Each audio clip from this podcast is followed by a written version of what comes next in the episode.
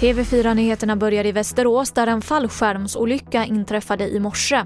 Två fallskärmshoppare ska ha krockat med varandra på 10 meters höjd. Och de ska inte ha fått några allvarliga skador men de har förts till sjukhus. För en timme sedan återupptogs toppmötet i Bryssel där EUs ledare ska försöka komma överens om budgeten för de kommande sju åren och utformning av det jättelika coronakrisstödet till de som drabbats hårdast av pandemin. Motsättningarna är fortsatt stora och mer än 14 timmars förhandling igår gav inget genombrott. Ett nytt kompromissförslag väntas nu läggas på bordet. Och förgiftningsfallen med handsprit har fördubblats under coronapandemin.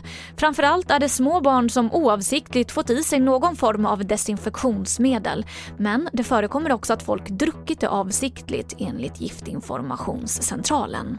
Ja, vi har ju märkt en tydlig ökning av antalet samtal där man har frågor om eh, att man har fått i sig handsprit. Det är en tydlig ökning och vissa månader mer än en fördubbling om man jämför med antalet samtal året innan.